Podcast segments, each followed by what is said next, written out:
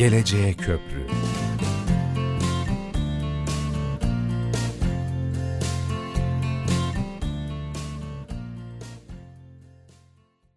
Trakya Üniversitesi Radyosu Radyo Güne Bakan'dasınız. Frekansınızı değiştirmeyin. 106.2'de Geleceğe Köprü programı başlıyor.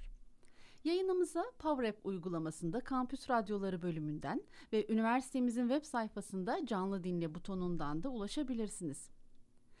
Bildiğiniz gibi bu saatlerde sizleri dekanlarımızla buluşturmaya, fakültelerimizi sizlere daha yakından tanıtmaya çalışıyoruz. Her hafta birbirinden değerli hocalarımızı programımızda ağırlayarak aynı zamanda tercih dönemindeki aday öğrencilere bir nebze de olsa katkı sunmak istiyoruz. Bu haftaki konuğumuz Trakya Üniversitesi Edebiyat Fakültesi Dekanı Profesör Doktor Sayın Yüksel Topaloğlu. Hocam hoş geldiniz. Hoş bulduk. Çok teşekkür ediyorum. Her hafta olduğu gibi yine önce biraz e, üniversitemize, fakültemizin geçmişinden başlayalım isterim. Edebiyat Fakültesi e, bizim bildiğimiz yaklaşık bir 30 yıl değil mi kuruluşundan itibaren Evet. yaklaşık 30 yıl boyunca Fen Edebiyat Fakültesiydi. E, sonra e, 2010 yılında e, Edebiyat Fakültesi olarak Evet. hizmet vermeye başladı. E, 82'den 2010'a kadar. Biraz bu ayrılıştan söz edelim. Önce öyle başlayalım. Ne dersiniz? Evet, teşekkür ediyorum. Öncelikle Radyo Güne Bakan dinleyicilerini saygı ve sevgiyle selamlıyorum. İnşallah radyomuzun sesi daha kuvvetli çıkmaya başlar ve bütün Trakya'yı öncelikli olarak ve daha sonra bütün e, Türkiye'ye yetkin bir şekilde kapsamı alanına alır. Şimdi siz de ifade ettiniz e, bizim Trakya e, Edebiyat Fakültemiz aslında Trakya Üniversitesi'nin hemen hemen kuruluşuyla yaşıt diyebiliriz. Bunun aslında temel sebebi şu.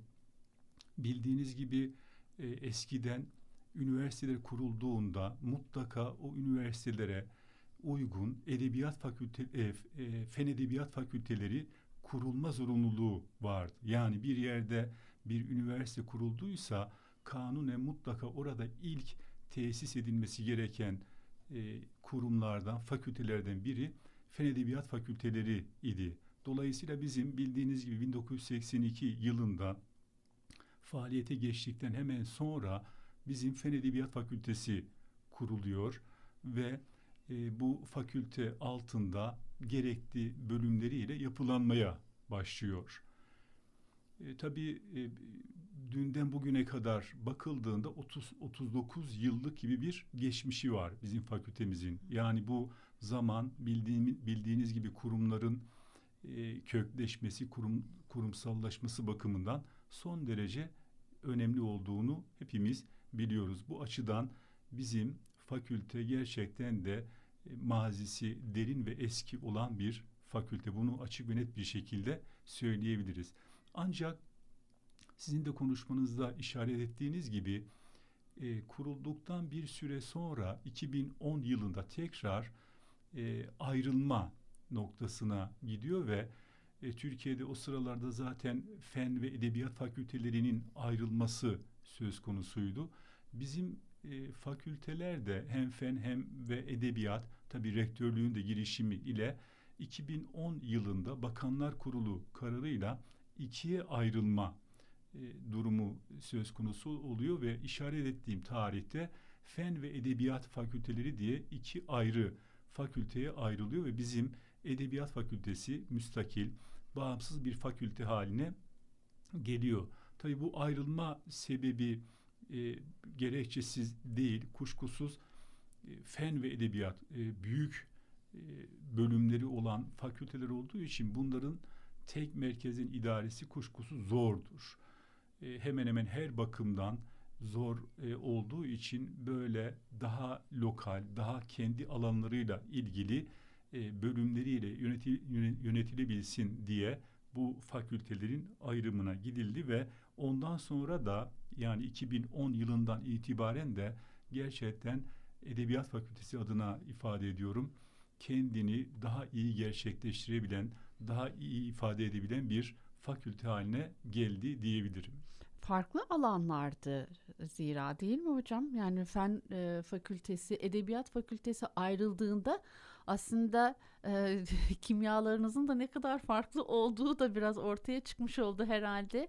Hem büyük bir e, çok büyük bir fakülte hem e, biraz daha kompleks fen edebiyat fakültesi bir tarafta biyoloji var, kimya var, fizik var. Öbür tarafta Tabii. işte tarih, Türk dili, sanat tarihi, e, farklı dünyalar e, müstakil hale gelmesi sanki dediğiniz gibi e, kendisini ifade etmek anlamında e, çok da yerinde bir karar olmuş. Evet çok önemli e, dediğiniz o konuşmanızda geçen ifade aslında özetliyor kimya yani farklı kimyaları olan iki fakülte hakikaten öyle. Evet kuşkusuz biz de kendimizi nitelerken sosyal bilimler diyoruz. Ama tabii ki sosyalin e, bilim bilimliği farklı. Fen hı hı. bilimlerinin bilimliği daha farklı. Çünkü bildiğiniz gibi fen bilimleri her şeyi laboratuvar ortamında kanıtlayabiliyor. Ama sosyal bilimlerin tabii ki laboratuvar ortamından ziyade kendi içinde tutarlılığı, e, mantıksal işte sonuçları itibariyle denetlenebilir e, olmasına bakıyor. Bu bakımdan tab, tab, tamamıyla farklı iki fakülte olduğunu söyleyebiliriz. Ee, Balkan yerleşkesinde yer alıyor Edebiyat Fakültesi. Ee, biraz altyapınızdan söz edelim isterim. Atölyeler, derslikler, e, kütüphane, e, ne gibi olanakları var okulun? Şimdi bizim e, Edebiyat Fakültesi de bir fen edebiyat olarak kurulduğu zaman başta da ifade ettik. Yani 1982 yılı e, hayli eski. Dolayısıyla bizim ilk yerleşkemiz aslında Ayşe Kadın'dı. Yani Ayşe Kadın'da idi bizim binalarımız. Ama daha sonra bizim üniversitemizin yapılaşmaya gitmesi çerçevesinde tabii olarak bu Balkan yerleşkesinde yeni binaların inşa edilmesiyle birlikte biz de 2000'li yılların başından itibaren Balkan yerleşkesinde faaliyet göstermeye başladık ve yaklaşık 20 yıldır da Balkan yerleşkesinde e, eğitim öğretim faaliyetini sürdürüyoruz. Şu anda Edebiyat Fakültesi iki ayrı modern binada eğitim öğretim faaliyetini sürdürmektedir. Edebiyat Fakültesi A blok ve Edebiyat Fakültesi B blok olarak iki ayrı binamız var. Tabii iki ayrı bina denince bunların farklı yerlerde olduğu anlaşılmasın. Bunlar e, mesafe olarak son derece birbirine yakın. İki adımlık yol. Yani birinden diğerine geçmek iki adımdan e, ibaret bir mesafede.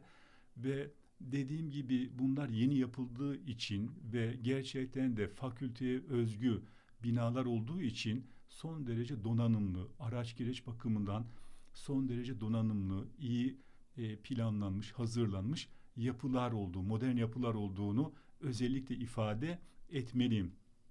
Özellikle bu iki binanın kullanım alanına bakıldığı zaman yaklaşık olarak 11 bin e, metrekarelik bir kullanım alanına sahip olduğunu söyleyebiliriz. Bunlar üçer kattan ibaret binalardır e, ve gerçekten burada eğitim öğretim için gerekli olan bütün e, imkanlara sahibiz.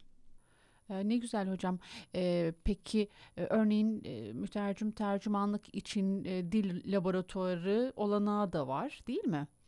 Dil laboratuvarı tabii ki yabancı dil öğrenimi bildiğiniz gibi kolay bir iş değil. O bakımdan biz bunu önemsedik ve rektörlüğümüzün destekleriyle çok iyi modern bir dil laboratuvarı oluşturduk, kurduk. Yaklaşık olarak bir 5 yıllık mazisi var. Şu anda bizim öğrencilerimiz hususi olarak dil öğrenimine yönelik hazırlanmış kabinlerde e, dil öğrenimini görüyorlar. Yani bu son derece böyle gelişkin ve orada olan öğrencilerimize yetecek şekilde olduğunu söyleyebilirim. Bununla birlikte tabii çağımız e, bilgi iletişim çağı. E, bu çerçevede özellikle bilgisayarların yeri son derece önemli. Bu bağlamda aynı zamanda bütün öğrencilerimizin erişimine açık olmak üzere bir de bilgisayar laboratuvarımız var. Bu laboratuvarlarda da özellikle bilgisayar kullanımını gerektiren dersleri öğrencilerimiz bu sınıflarda yapıyorlar. Bunları da son derece iyi kullanışlı hale getirdiğimizi söyleyebilirim. Tabii başta e, ifade ettik e, bölümlerden bu bölümlerin kendine özgü laboratuvarları da var. Mesela e, sanat tarihi gibi, arkeoloji gibi kendilerine yönelik ayrı odaları, birimleri var. Özellikle elde ettikleri buluntuları sergiledikleri öğrencilerine gösterdikleri alanlardır bu sözünü ettiğim e, yerler. Yanı sıra e, bizim başta da ifade ettiğim gibi sosyal bilimler olduğu için kütüphaneler son derece önemli.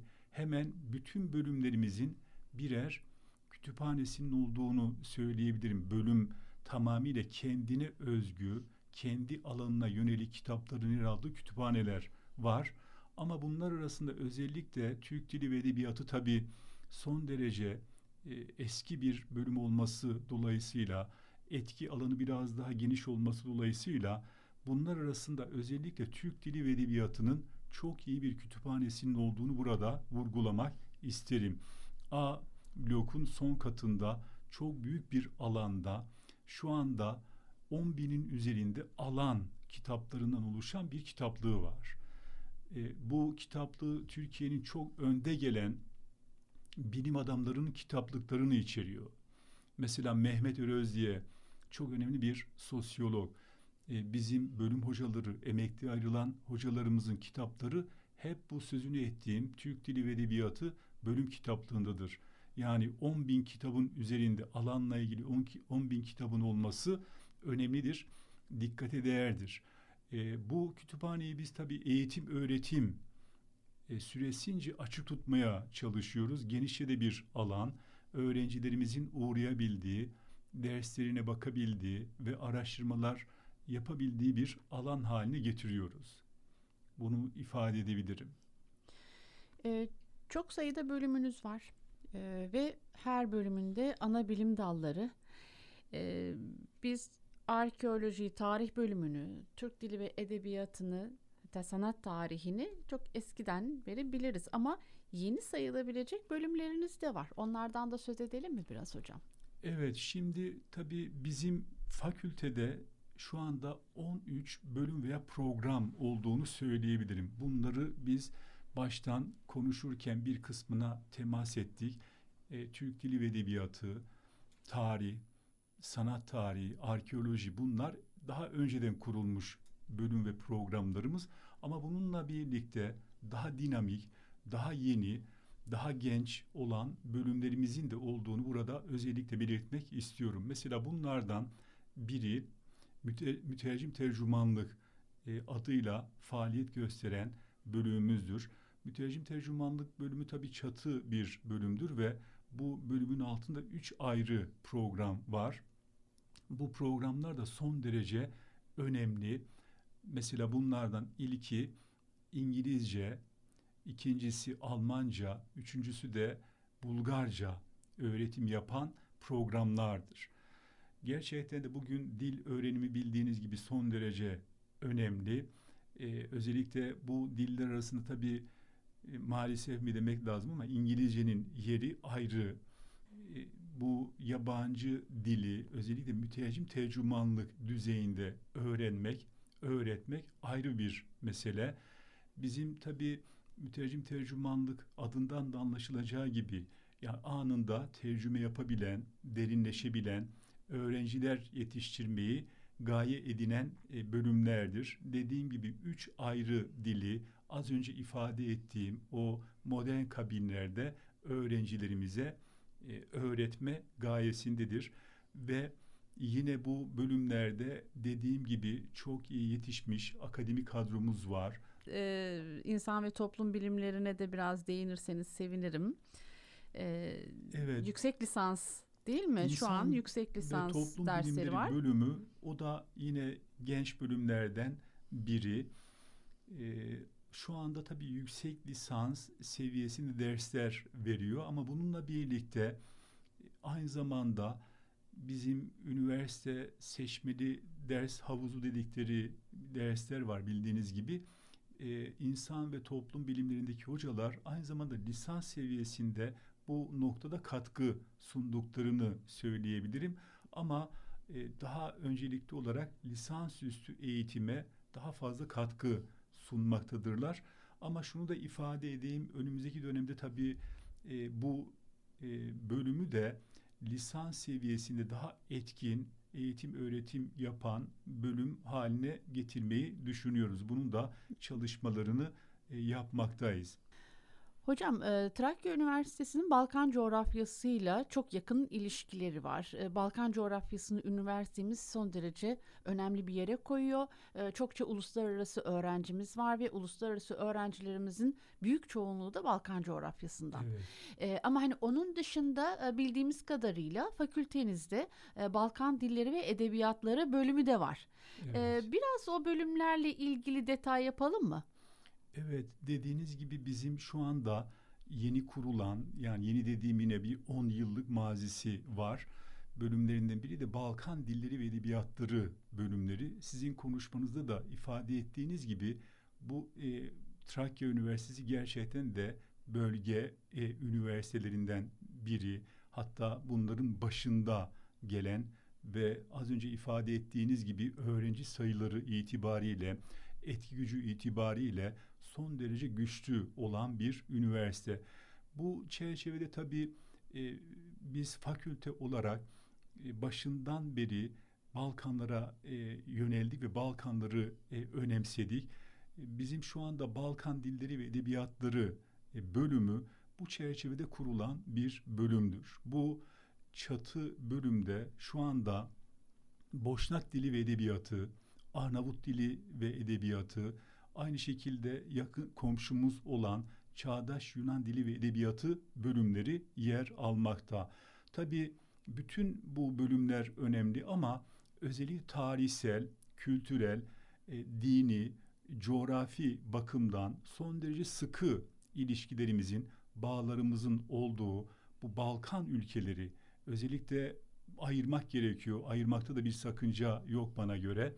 Özellikle Boşnaklar, Arnavutlar yani bunların dillerinin, kültürlerinin bizim Edirne'mizde e, okutulması, çocuklarımıza öğretilmesi gerçekten de bu az önce ifade ettiğim tarihsel ikili ilişkileri daha sıcak tutma, daha iyi bir noktaya taşıma bakımından son derece önemli olduğunu düşünüyorum.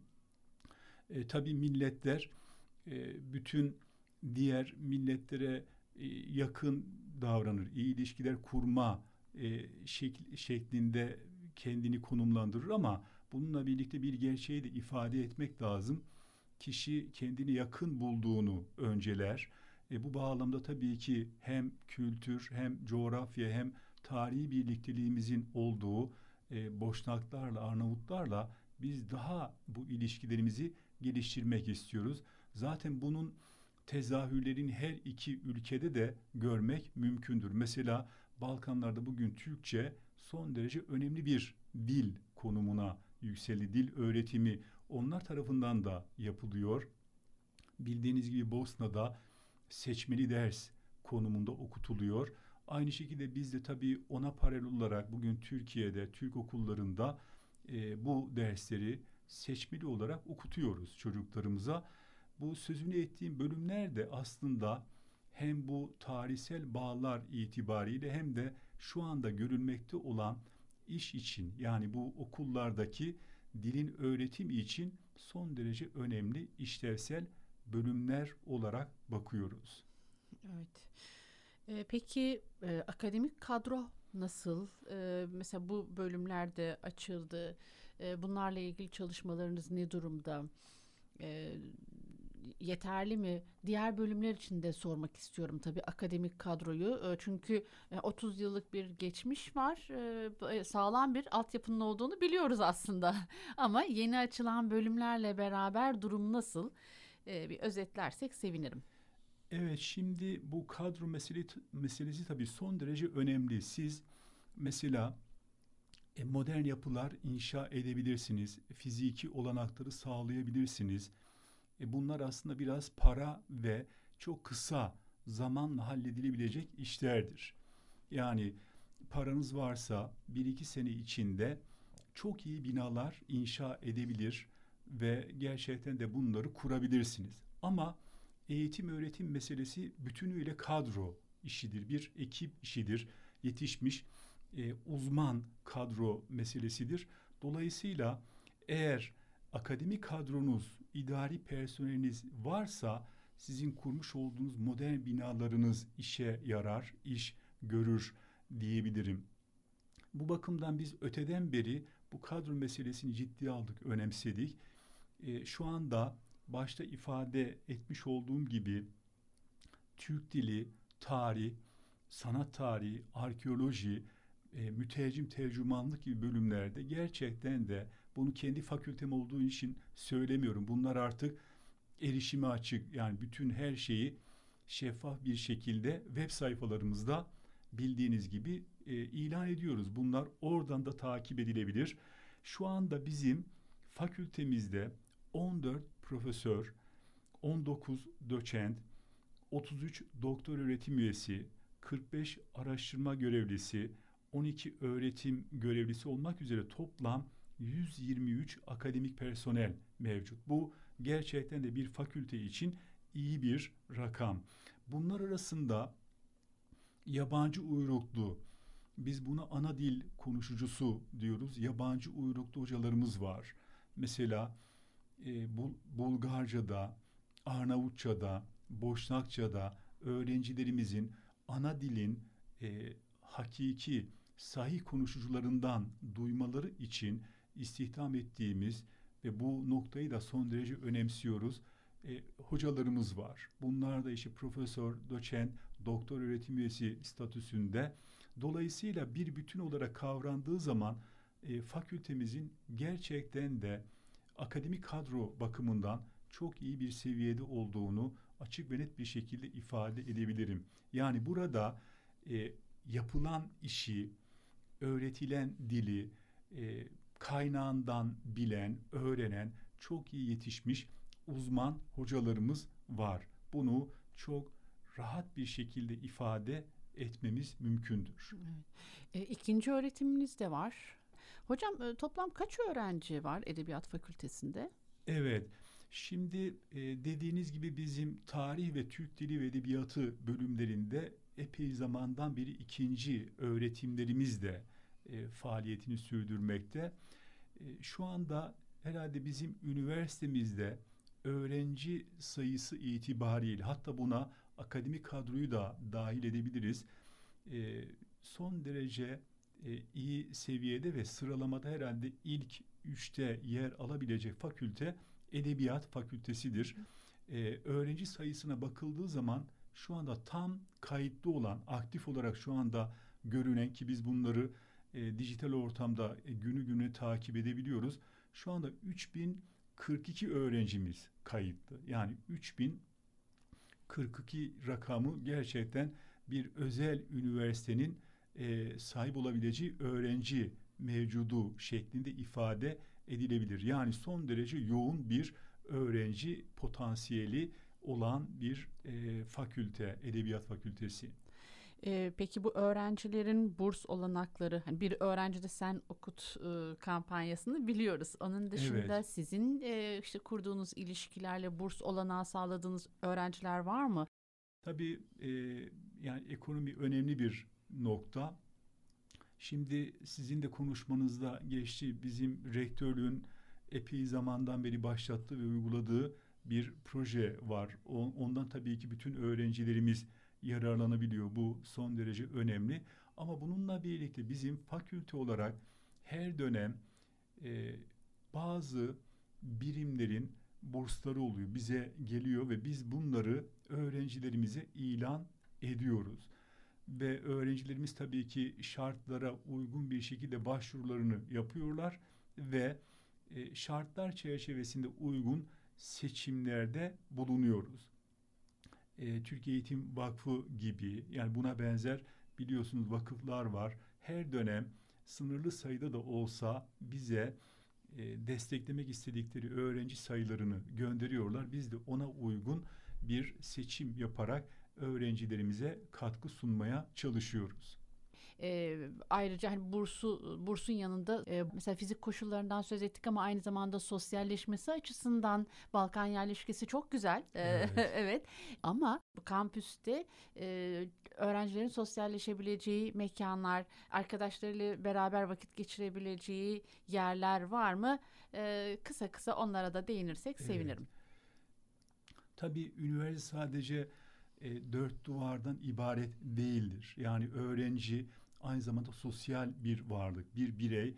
Tabii ki öncelikli kimliği öğrenci olabilir ama bununla birlikte kuşkusuz sosyal bir varlık ve geldiği birimde, kurumda e, bu sosyal varlık olmanın gereklerini yerine getirebilmeli. Biz fakülte olarak bunları da önemsiyoruz. Zaten bizim üniversitemiz de baştan beri e, bunu e, önemsiyor. Rektörlük bunun üzerinde duruyor.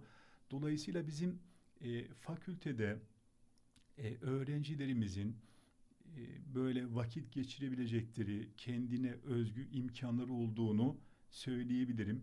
Zaten fizik mekan olarak bizim fakülte işte kantine, yemekhaneye, kütüphaneye, oturma yerlerine çok yakın yerde. Yani e, konum itibariyle dağınık olmayan lokal e, bir bütün halinde e, olduğunu söyleyebilirim.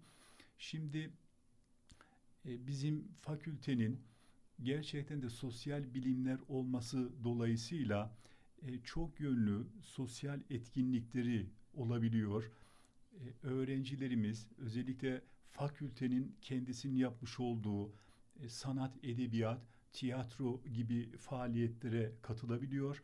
Bununla birlikte bizim fakültede, bölümlerde özellikle öğrenci topluluklarının son derece yoğun bir şekilde faaliyet gösterdiklerini söyleyebilirim.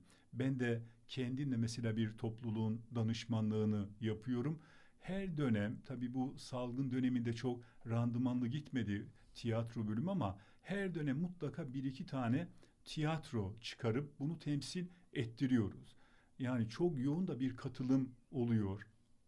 Aynı şekilde öğrencilerimiz kendi işlerinde, hocalarının öncülüğünde organize olarak mesela şiir dinletileri düzenliyorlar.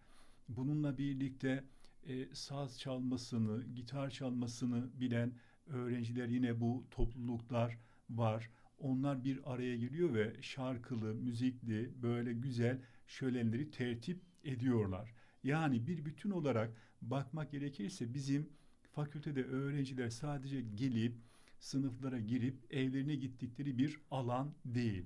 Kesinlikle biz zaten e, eğitimciler olarak bu e, yönü de önemsiyoruz. Öğrencilerimizin çok iyi ilişkiler kurabileceği, eğlenebileceği, e, sanat, kültür faaliyetlerinde bulunabilecekleri bir yer olmasına azami özeni gösteriyoruz. Staja gidebiliyorlar mı hocam? Şimdi- Staj var mı? Ee, şimdi tabii staj meselesi şöyle. Ee, öğrencilerimiz mesela Türk Dili ve Edebiyatı bölümünde okuyan öğrenciler son sınıfta pedagoji formasyon derslerini görüyorlardı. Şimdi tabii kısmen bir değişiklik oldu. O çerçevede bunlar e, Edirne'deki muhtelif e, Milli Eğitim Bakanlığı okullarına gidip orada bir dönem ders görüyorlar. Yani uygulama yapıyorlar. Böyle imkanları var. Tarih, edebiyat ve diğer bölümler, Türk Dili ve Edebiyatı ve diğer bölümler bu e, stajı yapıyordu. Aynı şekilde İngilizce, mütercim tercümanlık bölümleri de e, kendi işte ayarladıkları ilgili birimlerde bu stajlarını yapabiliyorlar. 106.2 Trakya Üniversitesi Radyosu Radyo Güne Bakan'da Geleceğe Köprü programındasınız. Programımızı üniversitemizin web sayfasında canlı dinle butonuna tıklayarak ya da PowerApp uygulamasında Kampüs Radyoları bölümünden de dinleyebilirsiniz. Bugünkü konuğumuz Edebiyat Fakültesi Dekanı Profesör Doktor Sayın Yüksel Topaloğlu ile birlikteliğimiz sürüyor. Sizin fakültenizde de hocam değişim programları uygulanıyor. Ee, daha çok e, hangi programı uyguluyorsunuz? Ee, Mevlana, Farabi, Evet. e, yoksa Erasmus'tan mı yararlanmak istiyor öğrenciler? Bir de yurt dışından e, mesela hangi ülkelerden daha çok gelen öğrencileriniz oluyor? Evet, gerçekten de bu e, değişim programları modern dünyanın en önemli araçlarından biri. Yani bunun farkında ve ayrımında olmak gerektiği kanaatindeyim. Şimdi bizim fakültede ben şahsen bu değişim programlarını e, son derece önemsiyorum. Hatta bir ara Mevlana koordinatörlüğünü de yaptım üniversitemizin. Oradan çok iyi biliyorum ve takip de ediyorum.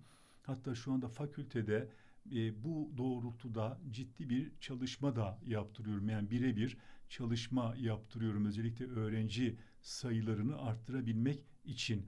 Şimdi Erasmus bildiğiniz gibi e, uluslararası e, öğrenci değişim programı.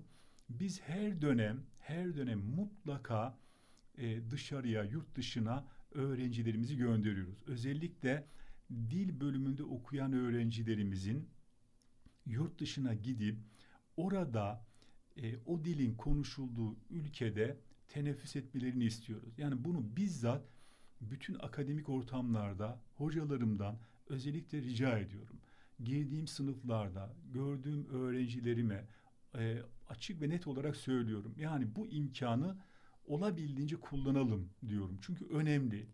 Ve dolayısıyla bizim her dönem mutlaka yurt dışına öğrenci gönderiyoruz. İşte Bulgaristan'a gönderiyoruz, Yunanistan'a, Almanya'ya, Portekiz'e, İtalya'ya. Yani bunları böyle rastlantısal olarak sıraladığım ülkeler değil. Bunlar bizim edebiyat fakültesine gelen yazılardan ifade ettiğim ülke adları. Dolayısıyla bu e, alanı etkin bir şekilde kullanıyoruz. Aynı şekilde ikinci bir uluslararası değişim programı bildiğiniz gibi Mevlana Değişim Programı. Bu da bizim ülkemizin gerçekten de ne kadar büyük bir devlet, ne kadar büyük bir ülke olduğunun bir göstergesi aslında. Son derece isabetli bir program bu Mevlana Değişim Programı. Tabii daha etkin kılınmalı. Tamamen Türkiye'nin finanse ettiği, desteklediği bir değişim programı. Dolayısıyla özellikle bizim Balkan dilleri ve edebiyatları bu Mevlana Değişim Programı sözünü ettiğim o bölüm için e, birebir e, uygun bir program olduğunu söyleyebilirim. Başlangıçta bildiğiniz gibi Mevlana Değişim Programı e, sınırlı ülkeleri kapsıyordu ama daha sonra genişletti ve bütün ülkeleri şu anda kapsıyor ama biz özellikle Mevlana ile e, çok doğrudan ilişkilerimizin olduğu Balkan ülkelerine öğrencilerimizi gönderiyoruz. Mesela e, çok iyi bildiğim için e, Boşnakça yani bu e, Boşnak dili ve edebiyatı, Arnavut dili ve edebiyatı öğrencilerini özellikle e, ikinci sınıftan itibaren biraz böyle temel edindikten sonra üçüncü sınıfı yurt dışında okumasını istiyoruz ve gönderiyoruz. Hocam e, hani diğer bütün programlar, bütün bölümler içinde hem Erasmus hem Mevlana son derece önemli bir evet. program ama evet. e, dediğiniz gibi özellikle dil alanını okuyan evet. e, hele ki e, hani Balkan dilleri ve edebiyatlarının yanında mütercim tercümanlık içinde öyle değil mi? Oradaki kültürü yakından görmesi Kesinlikle. açısından e, oradaki e, hani insanların e, nasıl yaşadıklarını günümüzde de nasıl yaşadıklarını görmeleri ve biraz da tarihini orada öğrenmeleri açısından da iyi herhalde. Kesinlikle doğru dediğiniz yani zaten dil e, yerinde öğrenilir. Yani mutlaka gitmek lazım. Yani o dilin konuşulduğu ülkede bulunmak, o havayı solumak, o havayı teneffüs etmek gerekiyor. Bu kaçınılmaz. Yani mutlaka olması gereken şey. Tabii belki biraz dil bölümlerini öne çıkardık ama bu sadece dil bölümlerinde uygulanan bir değişim programı değil. E, Türk Dili ve Edebiyatı bölümünde, tarihte, sanat tarihinde, arkeolojide de bu programlar uygulanıyor ve öğrencilerimiz gidiyor. Yani bu da e, yani sahada gördüğümüz gerçekliklerdir. Onlar da yararlanıyor ve e, fakültemizde dediğim gibi bu çerçevede yoğun bir katılım var. Farabi Değişim Programı var. E, o da bildiğiniz gibi ülke içinde ülke üniversiteleri arasındaki değişimi ifade eden bir program. İki dönem mesela istediği başka bir üniversitede e, kendi e, öğrenimini e, istediği başka bir üniversitede devam ettirebilme olanağını sunuyor. Tabii bu sözünü ettiğimiz değişim programlarının şöyle bir özelliği var. Yurt dışına gidenler için e, yani mali destekler var tabii yani önemli miktarda e, hem Erasmus hem Mevlana o ülkenin ekonomik şartlarını dikkate alarak öğrencilerimizi destekliyor ekonomik olarak. Aynı şekilde Farabi değişim programı da yine belli bir miktar burs olarak yani bunlar karşılıksız burs olarak öğrencilerimize verdiğini söyleyebilirim. Ee, şimdi biraz da akreditasyon sürecine değinelim. Evet. ee, çalışmalarınız devam ediyor. Ee, nasıl, ne durumda e, FEDEK çalışmanız var değil mi evet. hocam? Evet, yani gerçekten bu akreditasyon meselesi benim e, başından beri çok üzerinde durduğum ve önemsediğim bir nokta. Şimdi artık eskiden kurumlar e, tırnak içinde başına buyruktu. Yani ben yaptım oldu e, şeklindeydi ve öyle devam edebiliyordu. Ama e, modern dönemde hele hele günümüzde şeffaflığın öne çıktığı, denetlenebilirliğin arttığı bir ortamda artık bu eski tarz bir kurum anlayışı sürdürülemez. Bu bakımdan günümüzde artık kurumlar kendilerini dışa açıyorlar. Başka kurumların denetlemesine açıyorlar. Bu bağlamda bu akreditasyon gerçekten de çok önemli bir denetleme e, kurumu.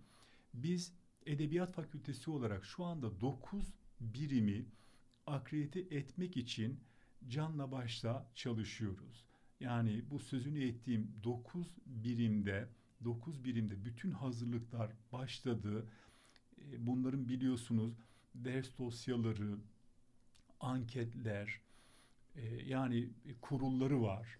Mesela şu anda e, Türk Dili ve Edebiyatı'nda 14 alt kurul var ve her alt kurulun sorumluları var ve bölümde yapılan bütün işler denetime tabi. Biz şu anda ilk aşamada yapılanları yaptık, ikinci aşamaya geçtik ve nasip olursa bu yılın sonunda başvuru sürecine geçeceğiz ve e, akredite ola, e, olan bölümlere kavuşacağız. Başta da ifade ettiğim gerçekten de yani kurumlar yaptığı işi sorgulamalı, denetlemeli. Ne yapıyor, ne ediyor, e, giren nedir, çıkan nedir? E, bunları görmeden eğitimin iyileştirilebilmesi, eğitimin sürdürülebilir olması mümkün değildir. Bu bağlamda dediğim gibi akreditasyonun son derece yararlı e, katkısı olan bir süreç olduğunu düşünüyorum. Ve bunu da e, dediğim gibi hiç böyle taviz vermeden e, sürdürüyoruz. Edirne e, 3T ile anılan bir kent. Evet. Turizm, tarım ve tarih. E, benim bildiğim e, sizin iki üç önemli çalışmanız var hocam bununla ilgili. E, hani turizm açısından e, bakacak olursak aslında tarih açısından da sıfır atık belgesi. Bir bunu sormak istiyorum. Bir de e, dergilerinizden söz edelim istiyorum ama önce isterseniz sıfır atık belgesini e, biraz açalım. Ondan biraz evet. bahsedelim. Sonra sırasıyla dergilere gelelim. Çünkü kente böyle değdiğini düşünüyorum ben Edebiyat Fakültesinin evet. de. Yani sadece fanusu içerisinde e, işte sadece akademik çalışmalar değil. E, bu akademik çalışmaları yaparken kente ve kent diye dokunan e, dokunanın yolunu e, böyle bulmuş gibi geldi bana. Sıfır atık belgesi e, sizin aldığınız bir belge üniversitenin genelinde uygulanıyor aslında sıfır atık projesi ama sizin e, öne çıktığınız bir e, belge e, meselesi var. Biraz evet. bundan söz eder misiniz? Evet e, gerçekten de yani kurumların varlık sebeplerinden biri bana göre şehirle kurdukları ilişkilerdir. Yani siz eğer bir yerde faaliyet gösteriyor ve o kurumla bağlantı kuramıyorsanız, o kurumla, e, o şehirle ilişki kuramıyorsanız, yani sadece kendi fil dişi kulenize çekilmiş ve orada faaliyet gösteriyorsunuz anlamına gelir. Hele hele Edirne gibi bir şehirde olup da şehri görmemek yani düşünülemez. Bizim Edirne'li bir şairimiz var. Tabii Türk Dili ve Edebiyatı alanda olduğumuz için e, sözü oraya getirdim belki ama Hayali diye bir şairimiz var. Onun e, bu bağlamda e, konu ile örtüşen çok güzel bir beyti var. O beytin bir dizisi şöyle. E, o mahiler ki derya içredir deryayı bilmezler. Bugünkü Türkçe ile söyleyecek olursak e, burada mahi e, balık anlamına geliyor. Yani diyor ki o balıklar ki deryanın içindedir ama derya içinde olduğunu, suyun içinde olduğunu bilmezler. Bu aslında bize uyarlayacak olursak gerçekten de Edirne e, yani tarihi, kültürel, e, tabiat olarak e, bütün bu noktalar itibariyle gerçekten de büyük bir şehir. Yani kökleri olan, derinliği olan bir şehir. Ama gelin görün ki e, bizim durumumuz biraz da o mahiler gibi. Yani içinde bulunduğumuz büyük kıymetin farkında değiliz. Bu bakımdan e, biz Edebiyat Fakültesi olarak başından bugüne kadar şehirle ilişki kurmanın önemli olduğunu, e, şehri yaşayan, şehri duyan bir üniversite e, olmanın önemli olduğunu, e, yani bu e, şuurla, bu bilinçle hareket etmek gerektiğini bilen bir kurumuz. Hatta sizin de haberiniz vardır bu bağlamda benim özellikle Edebiyat Fakültesinde bu yıl başlattığım Edirne konuşmaları diye bir konuşmamız evet. var. Şimdiye kadar Edirne Sarayı'nı konuşturduk. Ee, Edirne'deki kütüphaneleri konuştuk. Mesela Mehmet Akif'imizin Edirne ile kurmuş olduğu ilişkiyi konuştuk. Ee, Edirne'de yapılan Cumhuriyet bayramlarını konuştuk ve bunları konuşmaya da devam edeceğiz. Yani e, üniversite insanı için, bölgesi için, şehri için var. Eğer bunları gerçekleştirebiliyorsa ürettiği bilgiler bir kıymet ifade eder. Biz de bu bilinçle hareket ediyoruz. Şimdi sizin o sorduğunuz soruya gelecek olursak, e, bunun bir cüzü olarak e, biz aynı zamanda e, çevresine duyarlı, yeşil bir çevreye sahip olmak, e, sadece günü yaşayıp geleceği düşünmeyen kurum değil de bugünden geleceği düşünen, çocukların düşünen bir kurum olma bilinciyle sıfır atık projesini e, fakültede bir komisyon kurmak suretiyle uygulamaya soktuk ve dediğiniz gibi e, Çevre ve Şehircilik Bakanlığı'ndan da yani il temsilciliğinden e, bu belgeyi de aldık. Şu anda fakültede e, ben kendim özellikle ifade ediyorum. Yani arkası kullanılmadık, her iki yüzü kullanılmadık kağıdı kesinlikle atmıyoruz. E, atacağımız zaman da mutlaka sıfır atık için oluşturduğumuz köşelerdeki ilgili yerlere atıyoruz. Ne varsa yani fakültede en az e, atığı çıkarmak ve çıkan atıkları da geri dönüşüme e, kazandırmak. Bu bizim fakülte olarak önemsediğimiz, üzerinde durduğumuz, titrediğimiz konulardan biridir. Biliyorsunuz zaten sıfır atık şu anda gerçekten de ülkemizin, devletimizin başlatmış olduğu, üzerinde durduğu e, çok önemli bir e, proje. E, üniversite olarak yani üniversitemizin de bildiğiniz gibi birimi var. E, aynı şekilde fakülteler de bunu destekliyor. E, biz de elden geldiğince bu noktanın üzerinde duruyoruz, durmaya çalışıyoruz. E, kente değen de diğer çalışmalarınız da dergiler. Evet. e, TÜEF 2011'den beri değil evet, mi hocam? Evet. Yılda e, iki kere çıkıyor, iki kere çıkıyor bildiğimiz evet. kadarıyla. 2011'den e, bu yana çıkan e, TÜEF Trakya Üniversitesi Edebiyat Fakültesi dergisi. Dergisi evet.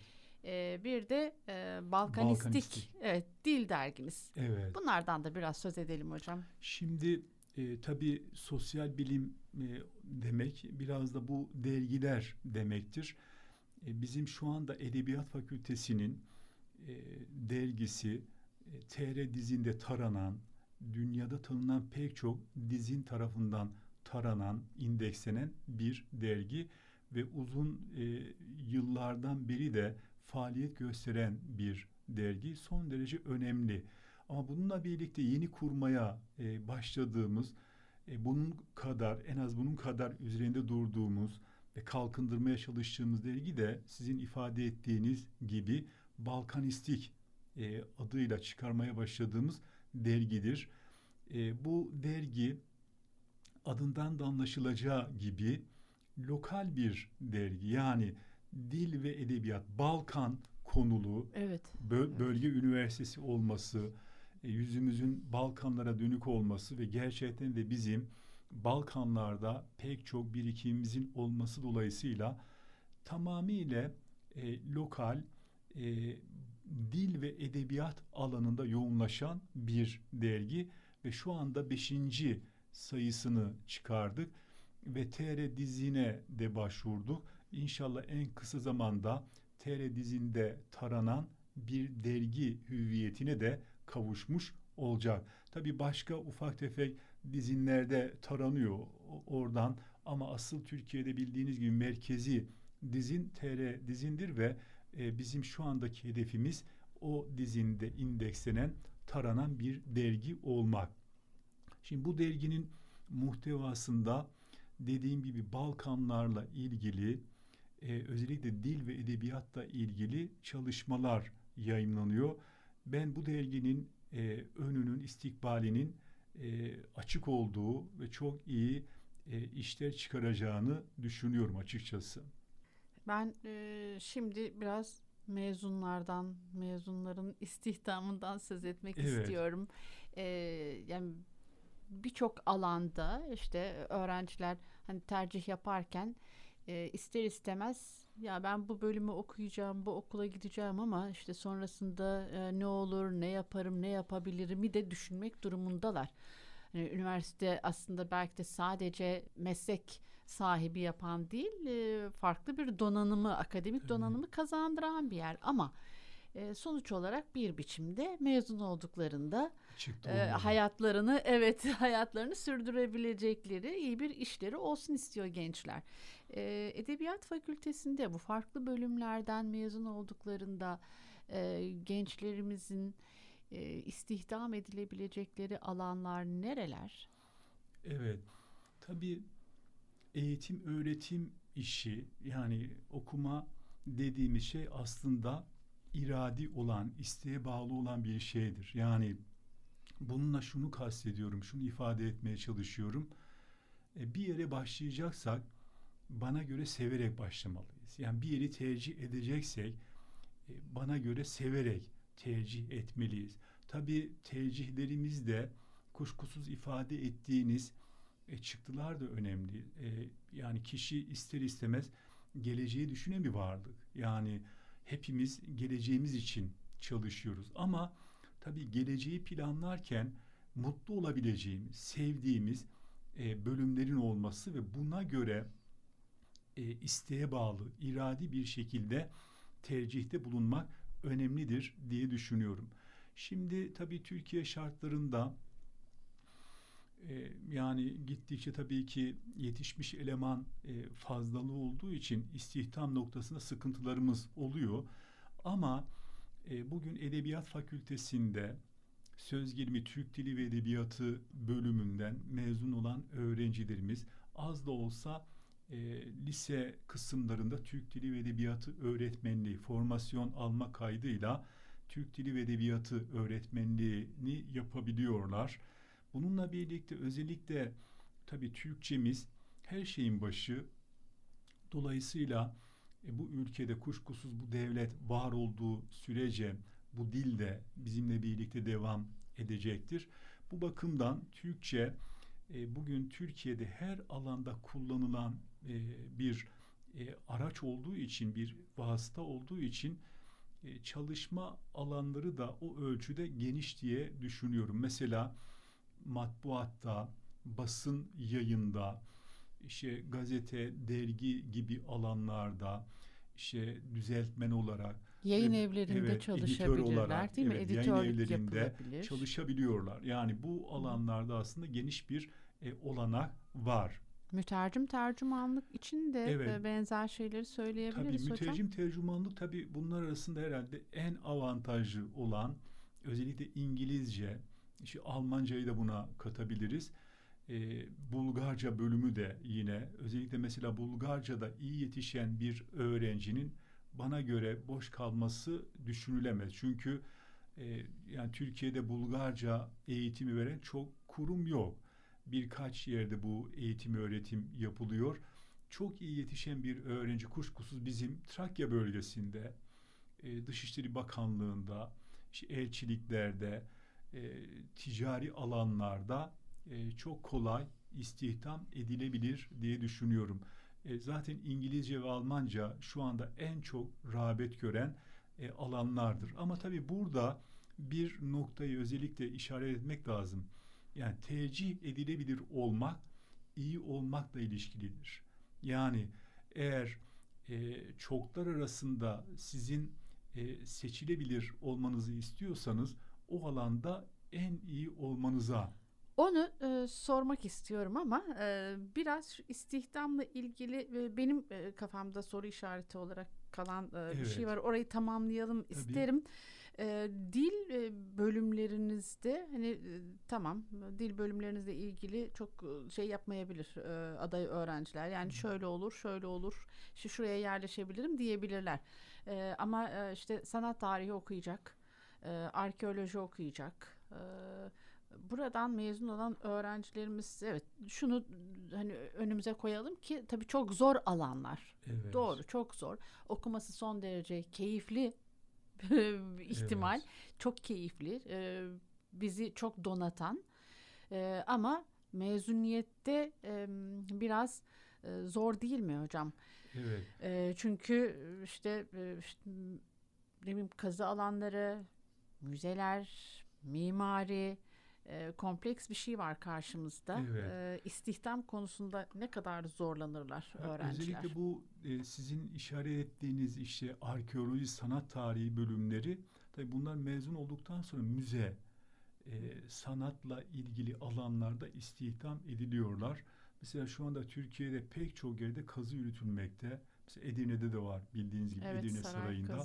Mesela şu anda orada bile e, bizim mezun öğrencilerimiz sayı olarak da epey bir miktar e, o tip kazı alanlarında, müzelerde, e, sanatla ilgili birimlerde bu öğrenciler tabii ki bu mezunlar tercih ediliyor ve orada oralarda istihdam edilebiliyorlar.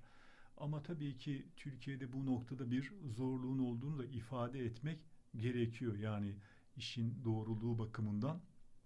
Ama sonuçta e, burada çok iyi yetişmek e, önemli bir faktör tercih edilebilir olmak için e, ve dediğim gibi bu müzelerde e, işte sanatla ilgili kollarda sanat tarihi ve arkeoloji bölümünde mezun olan e, arkadaşlarımızın istihdam alanları olarak karşımıza çıkıyor. Ayrıca akademisyen evet. olabilirler, okulda kalabilirler Tabii. değil mi? Farklı üniversitelerde. Evet, akademisyen meselesi baştan beri üzerinde durduğumuz bütün bölümler için geçerli aslında. Evet. Zaten bizim fakültedeki eğitim öğretim biraz da bu derinlemesine e, araştırma yapmaya yönelik e, fakülte olduğu için aslında bizim burada e, belli bir sayıda da aslında biz mezun ettiğimiz öğrenciyi alıyoruz ve akademisyen olarak devam ettiriyoruz. Mesela şu anda Türk Dili ve Edebiyatı, tarih, sanat tarihi, arkeoloji e, gibi bölümlerde yüksek lisans programı var. Hepsinde yüksek lisans programı var. Yanı sıra Türk Dili ve Edebiyatı, tarih, arkeoloji bölümlerinde de doktora programları var. Yani çok önemli doktora programları ve biz mezun ettiğimiz öğrencileri e, işte araştırma görevlisi, e, öğretim görevlisi olarak istihdam ederek aynı zamanda doktora öğrenimlerine de e, yardımcı oluyoruz. Yani meslektaşlarınızı yetiştiriyorsunuz aslında evet, değil mi hocam? Yani bir şu taraftan. anda mesela bizim bölüm bölümlerde kendi mezunumuz olan öğrencilerimiz var. Yani bizden mezun evet. olmuş bizde başlamış ve devam ediyor. Yani bu da tabii çok önemli bir nokta. E, hemen bunun arkasından artık sorayım. E, aday öğrenciler, tercih yapacak olan öğrenciler sizin fakültenizi neden tercih etsin? Evet. E, daha önce de ifade ettim aslında. Yani bu tercihler biraz da ilgiye, e, sevgiye bağlı olan şeylerdir. Şimdi mesela bizim e, bizi tercih edecek olan öğrenciler eğer gerçekten de kendi dilini, edebiyatını, o köklü mazisini, geçmişini öğrenmek istiyorsa e, kuşkusuz Türk Dili ve Edebiyatı bölümünü okumalı. Aynı şekilde e, Türklerin e, Orta Asya'dan başlayıp Avrupa'ya kadar uzanan e, macerasını görmek, öğrenmek istiyorsa kuşkusuz tarihi okumak, tercih etmek durumunda. Yine işte farklı dilleri, farklı kültürleri, işte İngilizce, Almanca, Bulgarca, işte Arnavutça, Boşnakça gibi e, çok farklı dilleri öğrenmek, bunlarla birlikte çok farklı kültürleri e, görmek, tanımak istiyorsa kuşkusuz bizim bölümleri tercih etmelidir diye düşünüyorum. E, tabii e, gerçekten de e, bu sözünü ettiğim alanlarda e, kendimizi geliştirebilmek, kendimizi donatabilmek ancak bu işin iyi yapıldığı e, ilim yuvalarında mümkün olabilir. Baştan beri ifade ettiğim bütün bu bölümlerde bizim dediğim gibi çok iyi yetişmiş e, akademik kadrolarımız e, ifade ettiğim gibi e, bu alanları öğrencilerimize eksiksiz bir şekilde çok iyi bir biçimde kazandırabilecek bir durumda böyle bir özelliği var bizim fakültemiz. Tabii e, bunlar mezun olduktan sonra e, kendi geleceklerini kurma, tercih edilebilir noktasında da bizim üniversite olarak, fakülte olarak e, önemli kurumlar olduğunu da ilave edebilirim. Şimdiye evet. kadar çalışmalarımızdan söz ettik. E, yapılanlardan söz ettik. Evet. Akreditasyon süreci, e, dergiler, sıfır atık belgesi, e, Edebiyat Fakültesi'nin son derece önemli çalışmaları. E, peki Edebiyat Fakültesi bundan sonrası için e, hedef olarak önüne neyi koyar?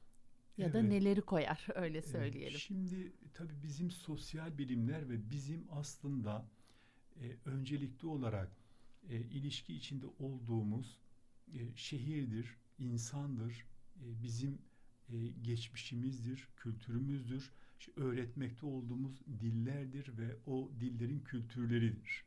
Yani aslında bizim işimiz biraz da insanla, yani insanla kurduğumuz ilişkiler. Şimdi bununla birlikte bizim üniversitenin kendine biçmiş olduğu bir misyonu var. Bölge üniversitesi olması. Özellikle e, Balkanlara yönelik kendine yüklemiş olduğu tarihi misyonu var.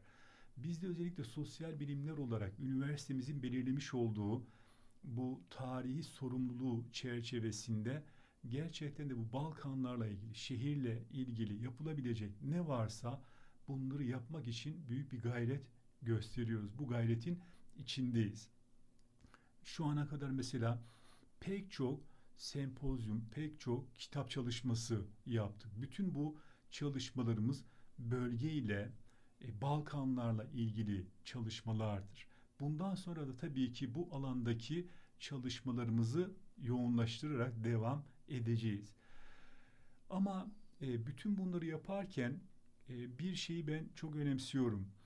Yani kurumlar aslında belli bir noktadan sonra sürekli genişleyen yapılar olmamalı. Bana göre kurumlar belli bir noktadan sonra genişlemekten ziyade derinleşen, derinliğine doğru kalitesini arttıran, niteliğini arttıran kurumlar haline gelmeli.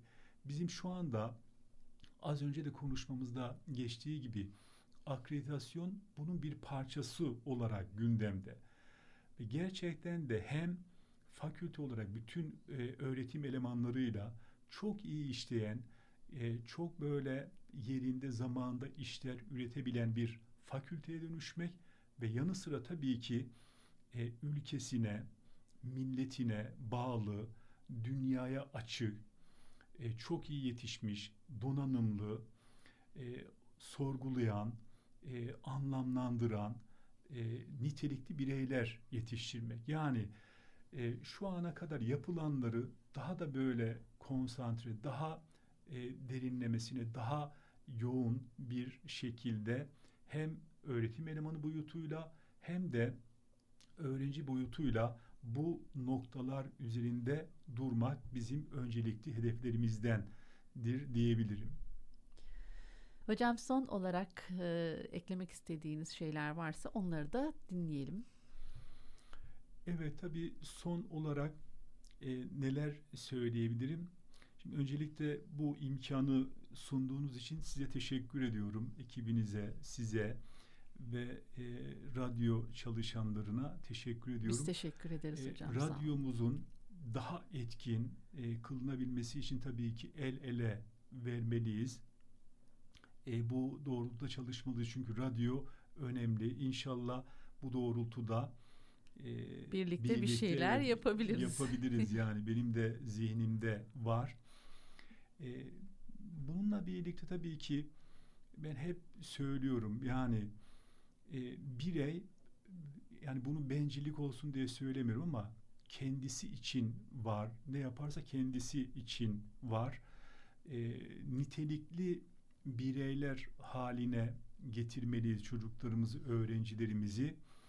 E, kendine yeten, e, nitelikli olan, donanımlı olan e, bireyler kendine yararlı olduğu gibi çevresine, e, şehrine, ülkesine ve bütün dünyaya faydalı olur diye düşünüyorum. Yani nitelikli birey bizim önceleğimiz gereken bir alandır diye düşünüyorum. Dediğim gibi tekrar bana bu fırsatı verdiğiniz için size ayrıca teşekkür ediyorum. Sağ olun. E, programımızın sonuna geldik. Bugünkü konuğumuz e, Edebiyat Fakültesi Dekanı Profesör Doktor Sayın Yüksel Topaloğlu'ydu. Hocam elinize, ayağınıza, dilinize sağlık. E, burada bizimle olduğunuz için çok teşekkür ediyoruz. Sağ olun. Çok teşekkür ediyorum. Sağ olun. Trakya Üniversitesi Radyosu Radyo Güne Bakan'da 106.2'deydiniz. Frekansınızı değiştirmiyorsunuz. Programlarımızı ayrıca PowerApp uygulamasında Kampüs Radyoları bölümünden dinleyebilirsiniz. Ve üniversitemizin ana sayfasından canlı dinle butonuna tıklayarak da yayınlarımıza ulaşmanız mümkün. Yayın masasında arkadaşım Zekiye Taş'la birlikte bugünlük hoşçakalın diyoruz. Ben Nur Yılmaz Ercin. Hepinize sağlıklı günler diliyoruz.